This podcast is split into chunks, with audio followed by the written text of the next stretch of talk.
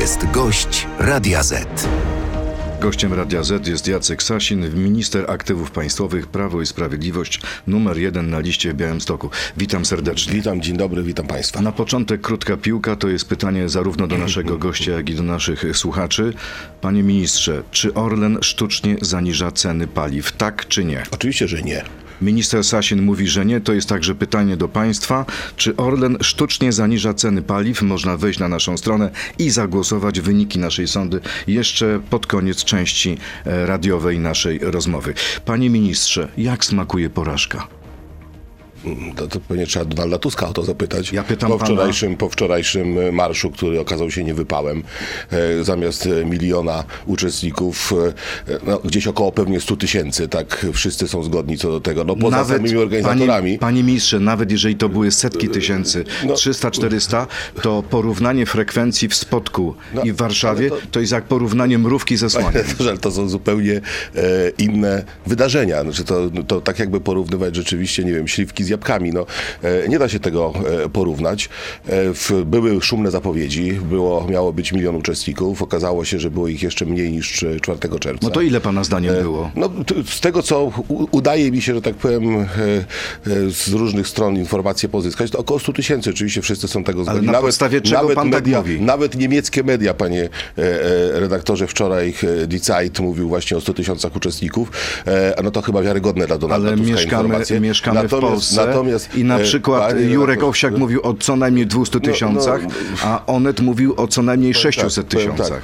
Tak. E, Jak Ju- Jurek Owsiak mówi o 200 tysiącach, to i tak daleko do miliona, ale e, e, jedna rzecz, jeden rozstrzygający dowód, panie redaktorze. Otóż wczoraj Interia opublikowała e, dokument, zgłoszenie tego marszu w warszawskim ratuszu, gdzie sami organizatorzy napisali, że będzie w nim uczestniczyło 100 tysięcy osób. zawsze tak jest. 100 tysięcy Organizator musi Więc, e, zapowiadać- Więc uwierzmy, proszę, apeluję, uwierzmy organizatorom tego marszu, uwierzmy Platformie Obywatelskiej. Pan mówi o wniosku, który był wcześniej, ja mówię o frekwencji, Czyli z góry była. zakładali, że będzie 100 tysięcy. Z góry zakładali, Panie ministrze. czyli z góry okłamali Polaków, mówiąc, że będzie Ale milion. nawet- I co więcej, co więcej, pamięta pan, panie redaktorze, w jakim celu ten marsz został zwany? Obrony rzekomo prześladowanej przez policję pani Joanny.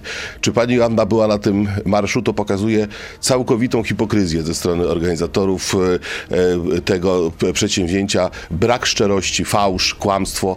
Zawsze to, co charakteryzowało Nawet, Platformę nawet jeżeli weźmiemy pod uwagę, że było tak jak pan mówi 100 tysięcy, chociaż myślę, że było setki tysięcy, to i tak przegraliście tą rywalizację na frekwencję, bo w spotku ile się pomieściło ale, osób? panie redaktorze, 10 W żadnym tysięcy. wypadku my nie rywalizowaliśmy na frekwencję. To po co to zrobiliście? E, Nie rywalizowaliśmy na frekwencję.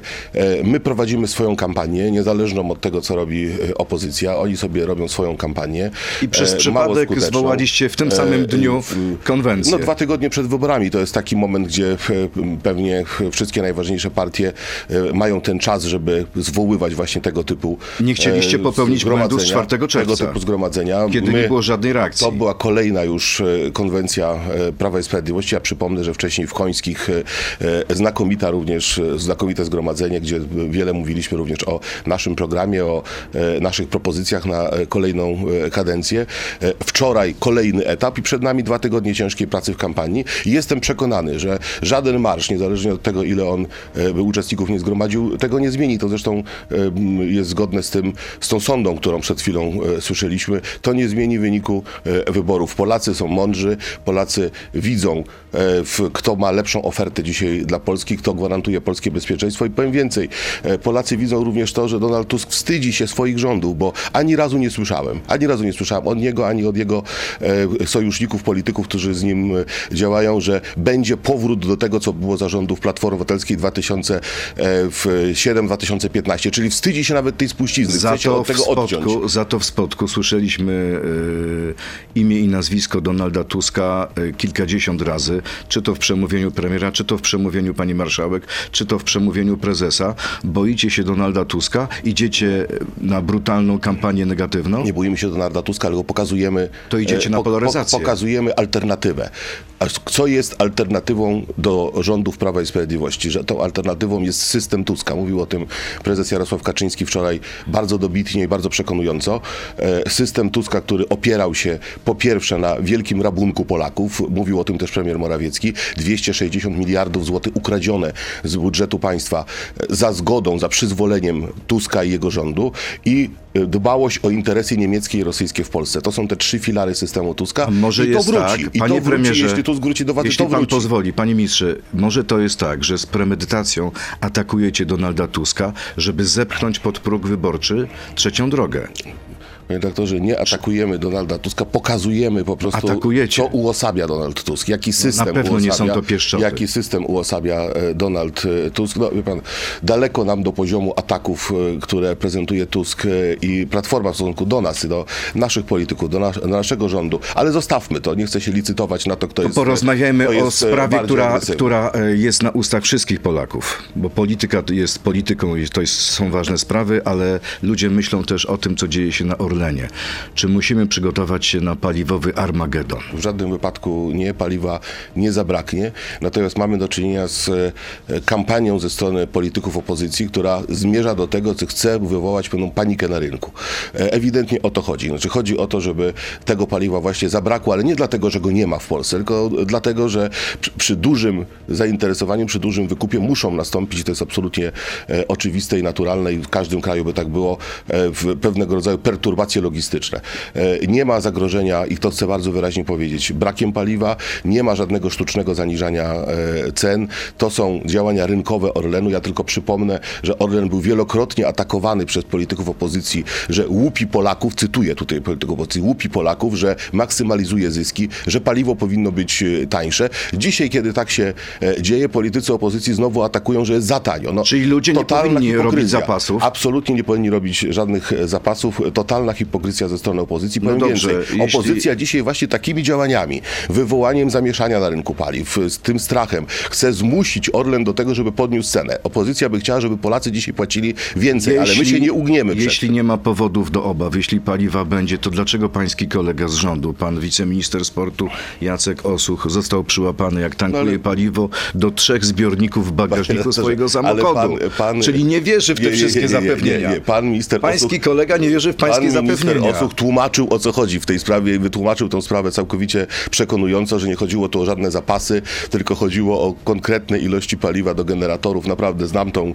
e, sprawę. Ale jest jak to jest próba- możliwe? Proszę to jest wytłumaczyć naszym słuchaczom, że ceny ropy na świecie drożeją, a na Orlenie benzyna jest najtańsza w Europie. Ale panie doktorze, to, że to jest dziwnego, że jest najtańsza w Europie. Tania benzyna w Polsce jest od dawna. E, Właściwie od e, czasu, kiedy e, w Orlen uzyskał tą możliwość pozyskiwania ropy naftowej z innych kierunków, kiedy wzmocnił się poprzez fuzję z Lotosem, z Pegenigiem i e, wcześniej e, z Energią, stał się poważnym graczem na rynku paliw, światowym już, czy europejskim, ale wręcz światowym, e, może sobie pozwolić na to, żeby te paliwa były tańsze. Może sobie pozwolić, bo idą wybory Nie, może i prezes nie, Obajtek właśnie chce wygrać tłumaczę- dla was wybory. doktorze, właśnie tłumaczę, że nie, że nie ma to nic wspólnego z wyborami. Ma to, Absolutnie. ma to wiele, ma to y, wynika to z, z optymalizacji kosztów, jakie, y, y, jaka była możliwa po połączeniu tych y, firm.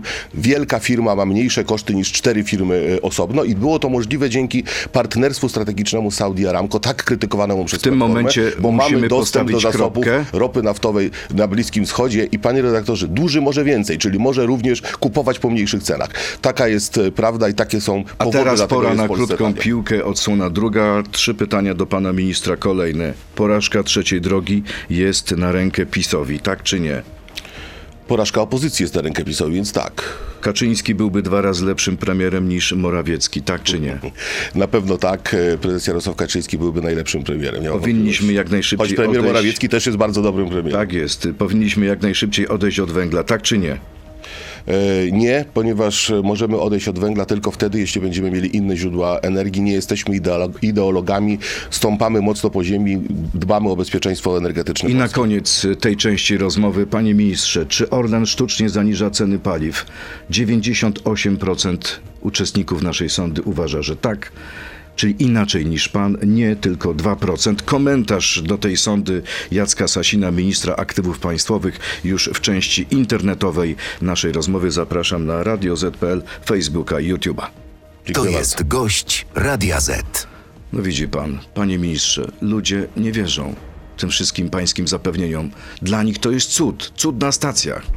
No, Cud nad Wisłą. Cóż, może trudno uwierzyć e, Polakom w to, że nasze rządy rzeczywiście e, wiążą się również z tym, że pewne rzeczy, które byłyby niemożliwe e, przy rządach kogoś innego się dzieją, ale tak się dzieje po prostu. Tak rzeczywiście jest. Powtórzę to jeszcze raz. Tanie paliwo na stacjach Orlenu to nie jest coś, co się wydarzyło w ostatnich dniach czy ostatnich tygodniach. To jest fakt, który trwa od dawna najtańsze paliwo, e, czy jedno z najtańszych w Europie, ale również w naszym regionie, bo przecież już nieraz e, o tym była e, mowa, to jest fakt po prostu. To jest fakt. Zamiast się z tego cieszyć, mamy Ale też jako, jako Polacy takie skłonności do tego, żeby to szukać tutaj jakiegoś drugiego dna. No ja rozumiem, że politycy opozycji to podgrzewają, próbują rzeczywiście z tego robić jakiś ministrze, problem, ale ja powiem wam tak, cieszmy się, szanowni państwo, że możemy dzisiaj korzystać Cieszmy się, bo po wyborach ceny wystrzelą w górę? Nie, nie, absolutnie e, nie. Ja oczywiście nie w pan stanie, głowę? Nie, no, nie jestem w stanie przewidzieć, panie redaktorze, jakie będą procesy. Jaką mamy pewność, że tydzień, będą- dwa tygodnie po wyborach będą- ceny będą po 7 ja, zł ja, za litr? Ja, panie redaktorze, nie jestem w stanie, jestem wróżką, nie jestem w stanie przewidzieć Ale jest pan człowiekiem, rynkach, który ma, e, gorącą linię z prezesem Więc Obajtkiem. Mogę powiedzieć e, tyle, no trudno, żebym nie miał jako minister aktywów państwowych, natomiast... A prezes ustalał ja, mogę- PiS-em, ja mogę tą powiedzieć, obniżkę? Panie redaktorze, no, naprawdę taka wizja, że prezesi spółek Skarbu Państwa każdą decyzję dotyczącą kierowania sw- swoimi firmami ustalają z partią rządzącą, no to rzeczywiście Ale to nie jest każda wizja- decyzja. To jest wizja, To nie jest e, decyzja na temat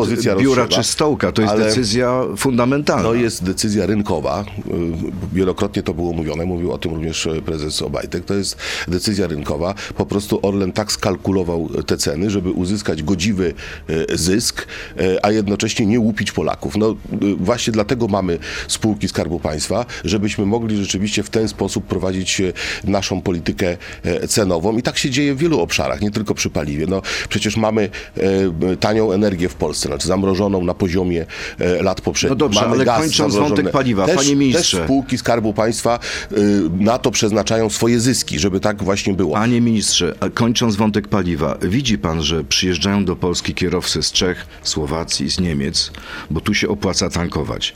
Nie boi się pan, że ten e, wzmożony popyt sprawi, że jednak tego paliwa zabraknie? Tak jak powiedziałem w pierwszej części, jeśli y, dojdzie do paniki rynkowej, a do tego dąży opozycja, to pewnie będą e, problemy logistyczne, ale nie ma żadnego powodu, żeby tak się stało. Paliwa jest pod dostatkiem, e, mamy to paliwo w, Polsce, jest kwestia oczywiście dowozu e, na stację. Nic nie wskazuje na to, żeby dzisiaj gdzieś tego paliwa A widział e, pan te brakowało. karteczki awaria na Ja osobiście ich nie widziałem, chociaż na paru stacjach Orlenu w tym czasie e, byłem. Na każdej się pan zatrzymywał? E, No nie, no nie, nie na każdej się zatrzymywałem, ale na kilku byłem e, i akurat nie widziałem żadnych e, Ale żadnych ludzie awarii. byli na różnych E, stacjach i pokazują takie No karteczki. wie pan, jeden z polityków opozycji nawet podawał adres takiej stacji, gdzie taka karteczka wisi, tylko okazało się, że pod tym adresem żadnej stacji nie ma. Naprawdę proszę przyjąć do wiadomości, że to, co robi opozycja jest jednym wielkim kłamstwem, również w tej sprawie. I tak jak wielu, wielu innych. I naprawdę troszkę mnie dziwi, że my dyskutujemy nad tematami, które podrzuca opozycja, które są fake newsami. No, bo tak Panie to ministrze, wygląda. to kończąc już naprawdę ten wątek, y, z czego Orlen zaspokaja te zwiększone, zwię- ten zwiększony popyt? Czy to są rezerwy obowiązkowe? Ale to już jest pytanie do prezesa Orlenu. A pan nie ja wie? nie chcę go w tym absolutnie zastępować. Pan nie wie, E, panie jest, ministrze? e, Rząd e, dba o to, żeby rezerwy nie były naruszone. Czyli rezerwy strategiczne nie są naruszane Minister polskie? właściwy do spraw energii, czyli pani minister klimatu Anna Moskwa e, nad tym czuwa. E, Jest, wszystko jest pod kontrolą. Wszystko jest pod kontrolą. Paliwa nie zabraknie. To jest podstawowy komunikat, który chciałem przekazać. Y, Panie ministrze, to wobec tego kto będzie premierem, jeśli PiS będzie miał trzecią kadencję, jeśli No O tym- wygra wybory? Ale o tym zdecydujemy po e, wyborach. To jest zupełnie A oczywiste. sam pan że- powiedział, że prezes Kaczyński jest, byłby lepszym premierem niż powtarzam to premier ja i Morawiecki. powtarzamy e, to wszyscy, gdyby e, prezes Kaczyński jest naturalnym oczywiście e, kandydatem jako prezes, szef obozu rządzącego, obozu zwycięskiego e, na premiera, ale pa, e, każda partia, która wygrywa wybory ma prawo prawo podjąć decyzję co do tego, kto będzie premierem jej rządu. I taką decyzję my w przeszłości podejmowaliśmy w stosunku do pani premier Szydło, potem do pana premiera Morawieckiego i taką decyzję podejmiemy również po tych e, wyborach. I e, oczywistym jest to, że urzędujący premier, niezwykle aktywny również w kampanii, premier, który e, w, no, jest twarzą naszego obozu politycznego, jest mocnym kandydatem do tego, żeby tą swoją misję kontynuować. To jest oczywiste. Teraz jeśli pan mnie pyta tak lub nie, kto byłby najlepszym premierem, no to oczywiście tym najlepszym premierem w moim odczuciu byłby prezes Jarosław Kaczyński. Panie ministrze, wobec tego porcja pytań od naszych słuchaczy jest ich bardzo dużo, więc poproszę o krótkie odpowiedzi. Przez cztery lata był pan posłem z hełma mojego okręgu. W tym czasie, poza kilkoma konferencjami prasowymi, nie widziałem wcale pana aktywności w okręgu. Nawet nie ma pan w hełmie biura poselskiego. Dlaczego tak bardzo zaniedbał pan okręg, z którego został pan To wybrany? Bardzo e, żałuję, że e, osoba, która pyta, nie wiem czy pan, czy pani, e, tego nie dostrzegła. Byłem bardzo częstym gościem w swoim okręgu wyborczym. A ma pan biuro? I mam biuro w, w Chełmie. Razem z panią eurodeputowaną Beatą Mazurek mamy to, to biuro. E, I naprawdę tyle, ile się w Chełmie e, dobrego wydarzyło w ciągu tych ostatnich czterech lat, to myślę, że to nie jest okres nieporównywalny z żadnym innym okresem. Będę o tym dzisiaj szczegółowo mówił w Chełmie, bo dzisiaj właśnie będę e, w Chełmie. Zapraszam do śledzenia mojej konferencji, gdzie właśnie podsumuję te wszystkie działania Kolejne dla pytanie. przez ostatnie cztery lata. Konie, kolejne pytanie. Czy nie bał się pan zarazić od pana ministra Rała COVID-em na konwencji w Katowicach?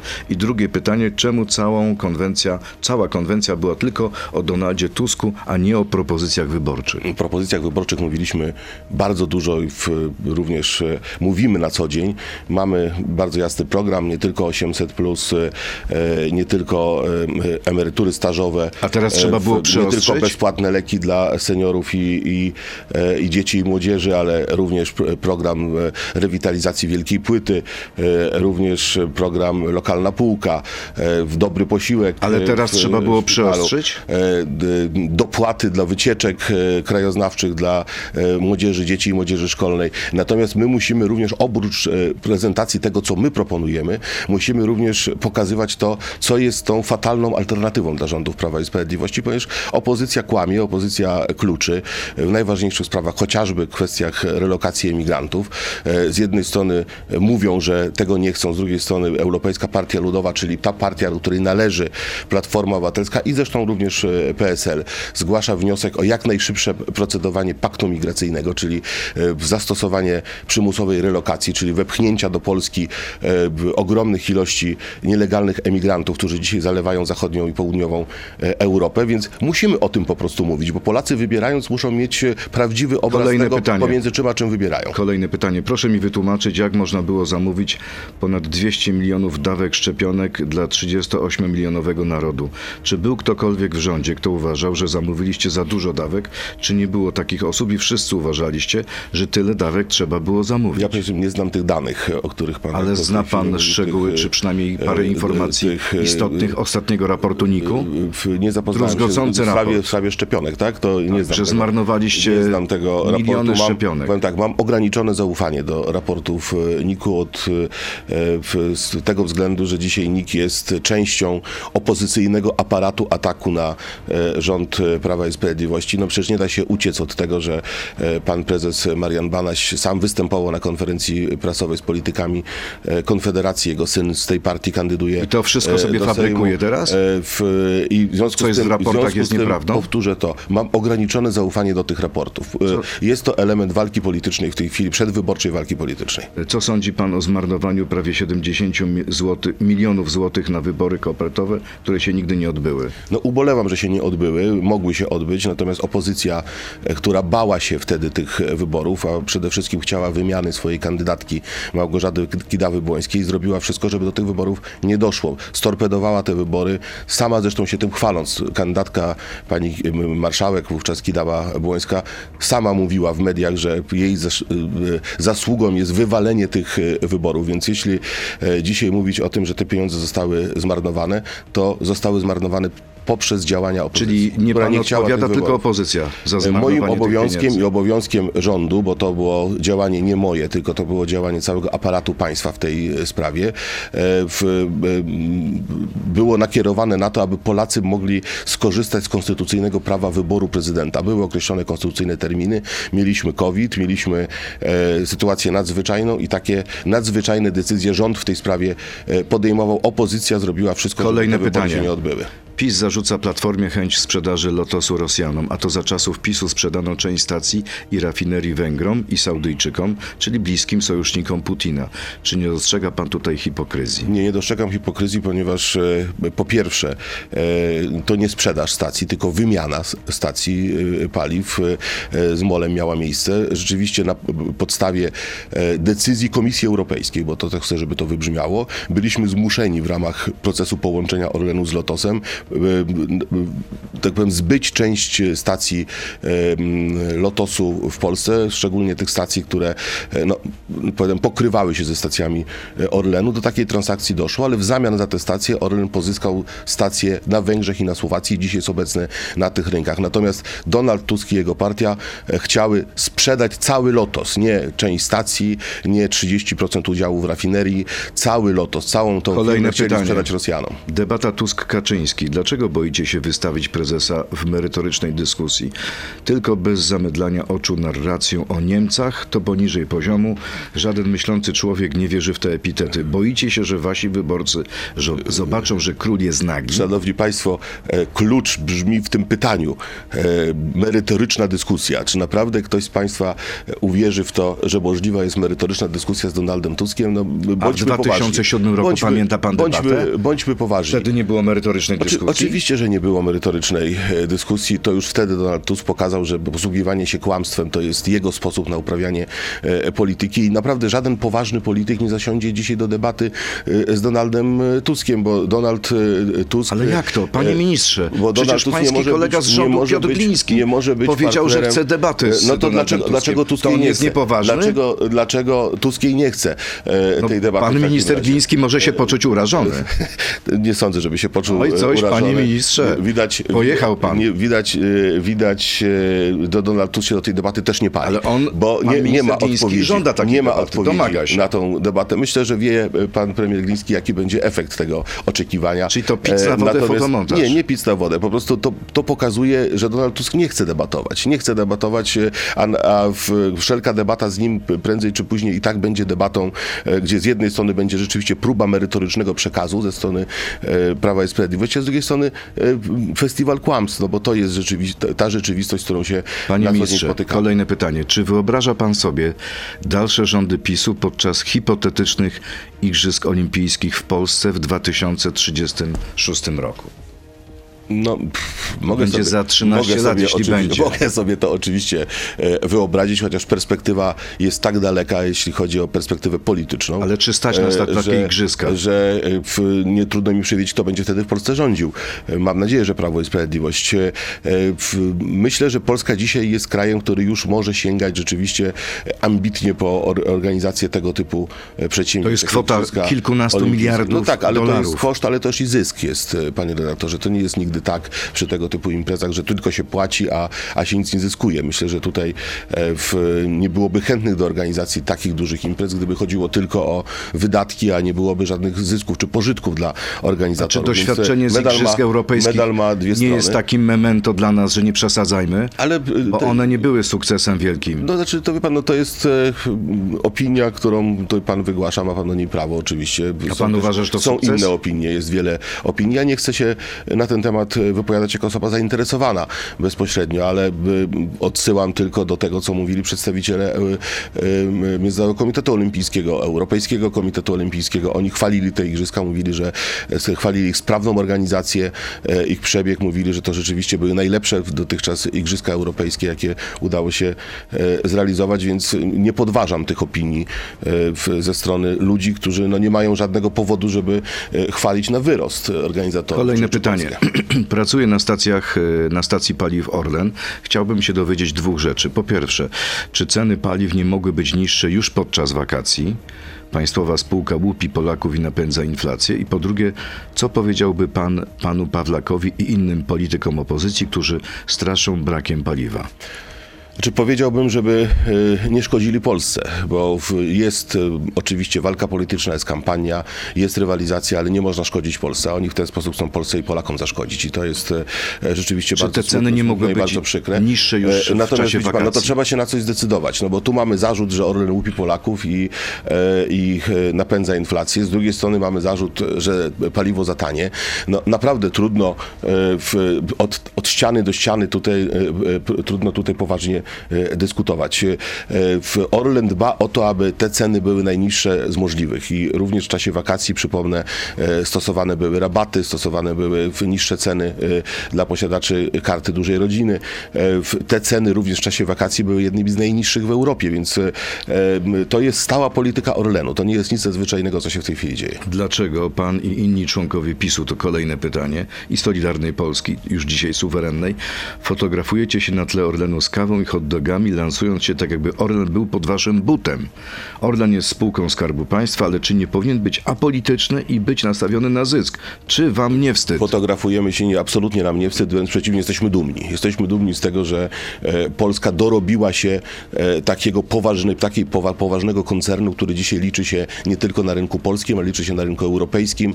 Jest obecny na rynkach e, krajów sąsiednich. Panie doktorze, w weekend była informacja, e, Orlen jest już e, szóstym, e, jednym z sześciu największych operatorów stacji benzynowych w Niemczech i to jest znakomita informacja. Jesteśmy, e, wchodzimy na rynek niemiecki. Polska firma wchodzi na rynek niemiecki. Jakżeś zmieniła się sytuacja od czasów, kiedy to niemieckie koncerny hulały w Polsce. Dzisiaj Orlen jest e, jedną z poważnych firm na rynku niemieckim. Kupił stacje benzynowe w Austrii, jest obecny w Czechach, na Litwie, właściwie zmonopolizował w tych krajach rynek paliwowy. Jest obecny na Węgrzech, na Słowacji, w Chorwacji.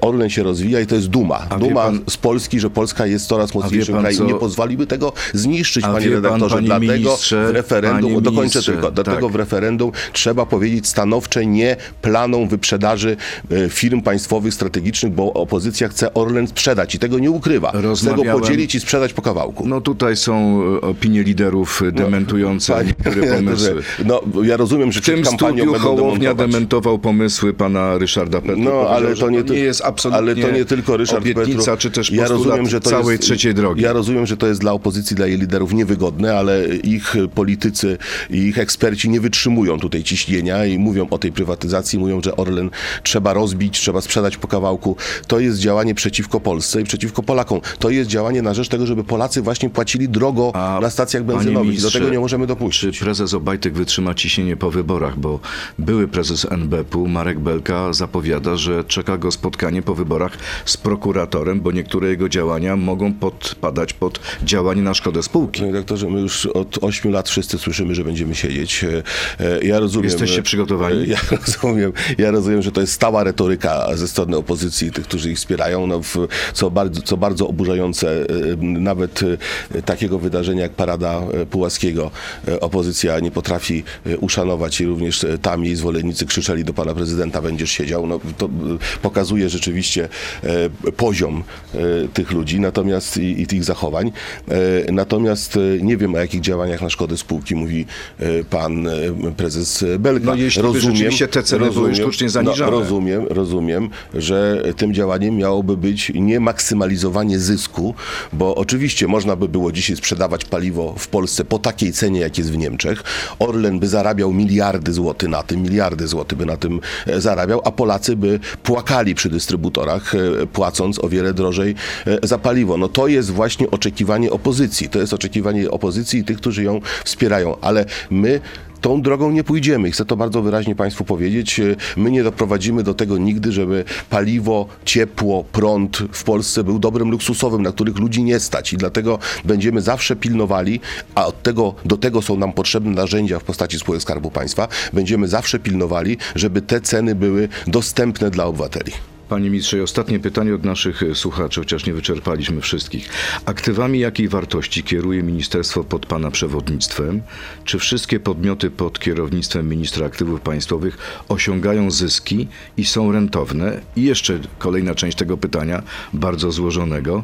Czy wszystkie wypłaciły dywidendy w latach 2019-2022? Jaka kwota z dywidend wpłynęła na konto Skarbu Państwa w roku 2022? Pytanie rzeka, może powiedzieć to. Ale to- ale konkretne pytanie. No ale panie doktorze, no teraz mi proszę mi, tak powiem, nie oczekiwać ode mnie, że będę pamiętał każdą dywidendę z każdej z licznych spółek, które nadzoruje e, minister A ile nadzoruje pan e, spółek państwowych. E, No w, w części, w całości, no to jest mm, kilkaset spółek, ale tych strategicznych jest powiedzmy kilkadziesiąt. Czy wszystkie są rentowne? W, na pewno te takie małe spółeczki, nie wszystkie są rentowne i część z nich jest w restrukturyzacji, część jest e, nadzorowana przez Agencję Rozwoju Przemysłu, to już jakby poza... I rozumiem, że nie e, wszystkie wypłaciły dywidendy w tym okresie, o którym my, mowa. My, panie dyrektorze, prowadzimy bardzo rozsądną politykę dywidendową. To jest jakby jedna z tych rzeczy, którą również zmieniliśmy w stosunku do rządów e, Tuska. E, Nie łupimy spółek Skarbu Państwa z dywidendy, dy, poprzez dywidendę, przepraszam, aby zostawiać im możliwości inwestowania, bo uważamy, że inwestycje dużych państwowych firm są niezbędne dla po- be- bezpieczeństwa Polski, ale również są takim kołem zamachowym rozwoju w Polsce. To inwestycje wielkich firm. No, w tym czasie udało się naprawdę wiele w tej sprawie zrobić, chociażby fabryka w Policach e, niedawno otwierana, e, w e, Azoty są tam inwestorem. W tej chwili Orlen, tutaj o dużo rozmawialiśmy, jest inwestorem, buduje dużą, największą w Polsce fabrykę chemiczną w Płocku, nowoczesną fabrykę przyszłości.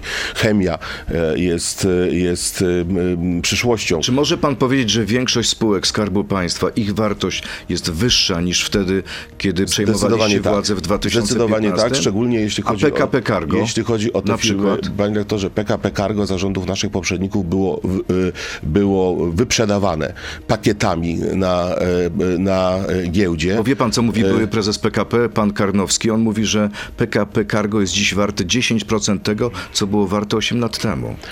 Ale przed tym, jak Platforma wyprzedała pakiety, czy potem? No bo naprawdę trudno dyskutować z takimi argumentami. E, PKP Cargo było firmą, która nie miała e, pieniędzy na bieżącą działalność, nie miała pieniędzy na inwestycje, między innymi dlatego w moim okręgu wyborczym na Podlasiu upadła, za, upadły zapady naprawcze taboru kolejowego w Łapach. To była wielka tragedia dla tego miasta, ogromne bezrobocie, ponad 22% w, rządu, w czasie rządów Tuska właśnie tam w Łapach, dlatego że PKP Cargo nie stać było kupować nowego taboru. E, i firmy kooperujące e, padały. No to jest rzeczywistość rządów Tuska i żadne wypowiedzi pana Karnowskiego w tej chwili tego nie zmieni. I ostatnia sprawa. W Kijowie odbyło się w weekend pierwsze międzynarodowe forum przemysłu obronnego z udziałem zachodnich koncernów zbrojeniowych. Były takie kraje jak Stany Zjednoczone, Wielka Brytania, Niemcy, Francja, Turcja, Szwecja i Czechy. A polskich firm tam nie było. Dlaczego? E, Nie zostały, z tego co wiem, Polska Grupa Zbrojeniowa jako firma nie została zaproszona, natomiast nie mam wiedzy, czy było to kierowane zaproszenie do jakichś innych agent polskiego, e, polskiego rządu. Traktuje pan państwa, to jako nieprzyjazny gest wobec Polski, czy my zawaliliśmy? Panie to, że my mamy do czynienia rzeczywiście z taką serią, można powiedzieć, nieprzyjaznych e, gestów ze strony Ukrainy w ostatnim e, czasie. Obawiam się, że chodzi tutaj o bieżący interes e, polityczny e, ze strony władz e, ukraińskich, które e, uważają, że w tym momencie, kiedy w Polsce toczy się kampania wyborcza, lepiej stanąć po stronie Niemiec e, i, tak powiem, odegrać w tej kampanii wyborczej taką rolę właśnie tego, kto pokazuje, że nie gra na ten rząd, na ten rząd, który był i jest cały czas adwokatem Ukrainy, który tak wiele zrobił dla Ukrainy, dla Ukraińców, pomocy dla Ukraińców tutaj e, w Polsce, e, w, tylko jest lepiej zagrać na, na zmianę władzy w Polsce. Myślę, że to się Ukraińcom odbije czkawką. W, m, próba grania na Niemcy, mówił o tym wczoraj pan premier Morawiecki, skończy się na nich bardzo źle, bo Niemcy zawsze będą się dogadywały z Rosją ponad głowami państw Europy Środkowej. To jest fakt, którego nic nie zmieni. Panie ministrze, ale może to jest wina polskiego rządu i polskiego prezydenta, że e, e, za bardzo kierowaliśmy się w tych relacjach z Kijowem uczuciami, sentymentami, Nie, emocjami, a za mało interesami. Panie redaktorze, nie Dlaczego tych spraw tego. nie załatwiliśmy Panie, wcześniej? panie redaktorze, nie potwierdzam tego, co pan mówi, że się kierowaliśmy jakimiś sentymentami czy emocjami. Kierowaliśmy się i, i zawsze się kierujemy interesami. W naszym interesie oczywiście było i jest to, aby Rosja nie podbiła Ukrainy, bo w, Rosja jest naszym największym niebezpieczeństwem dla polskiego e, bezpieczeństwa, największym zagrożeniem dla polskiego bezpieczeństwa. E, w, cały czas załatwiamy polskie sprawy z Ukraińcami. Ja przypomnę, że poza tym, że przekazywaliśmy sprzęt wojskowy, to również są kontrakty, e, które zostały zawarte na poziomie firm i, i ukraińskiego. W, mówię tutaj chociażby, te- o, chociażby o dostawy armatochaubic A krab kto za te kraby zapłaci? No to Ukraińcy czy zapła- kto no, zapłaci? No, zapłacą Ukraińcy, to oni są y, tymi, którzy Ale przy tym kupują. stole nas nie było, no to jest jednak problem. Którzy kupują. E, Ja nie wiem, czy to jest e, problem, czy to jest właśnie, mówię, ja bardziej wpisuję to właśnie w to, o czym mówiłem e, przed chwilą, tą chwilową, e, chwilową próbę zagrania tutaj na, tak powiem, na inny ośrodek niż Polska. Kończymy rozmowę na koniec. Poproszę o prognozę na 15 października. Jaki będzie wynik wyborów? Ile głosów dostanie PiS, ile Koalicja Obywatelska i reszta? Na pewno PiS dostanie, e, jestem o tym przekonany, tyle głosów, żeby samodzielnie rządzić. Tego bym sobie bardzo życzył, bo e, inny wynik będzie oznaczał chaos po prostu. Chaos, e, próba stworzenia jakiejś egzotycznej koalicji antypis od lewicy, od skrajnej lewicy nawet, po konfederację, no to się po prostu nie może udać. Albo też tą alternatywą będą kolejne wybory, czyli okres wielu miesięcy niestabilności w Polsce w obliczu niebezpieczeństw, zagrożeń wojny na Ukrainie. Więc dzisiaj rozsądnym wyborem jest głosowanie na Prawo i Sprawiedliwość, tak żebyśmy mogli tą stabilną władzę dalej A kontynuować. jeśli, jeśli nie będzie tej samodzielnej większości dla PiSu, pójdziecie razem z Konfederacją? Dyrektorze, nie będę teraz dywagował. My gramy o samodzielną większość i jesteśmy przekonani, że to jest absolutnie możliwe. Sondaże na to wskazują, że jesteśmy naprawdę bardzo blisko, żeby ten cel e, osiągnąć i myślę, że mobilizacja naszych wyborców tutaj bardzo nam w Minister- pomoże. O tą mobilizację wyborców Prawa i Sprawiedliwości apeluję. Minister Jacek Sasin, minister aktywów państwowych numer jeden na liście Białymstoku. Bardzo panu dziękuję. Dziękuję bardzo. I miłego dnia. Dziękuję. To był gość Radia Z. Słuchaj nas w Radio Z i na player radioz.pl.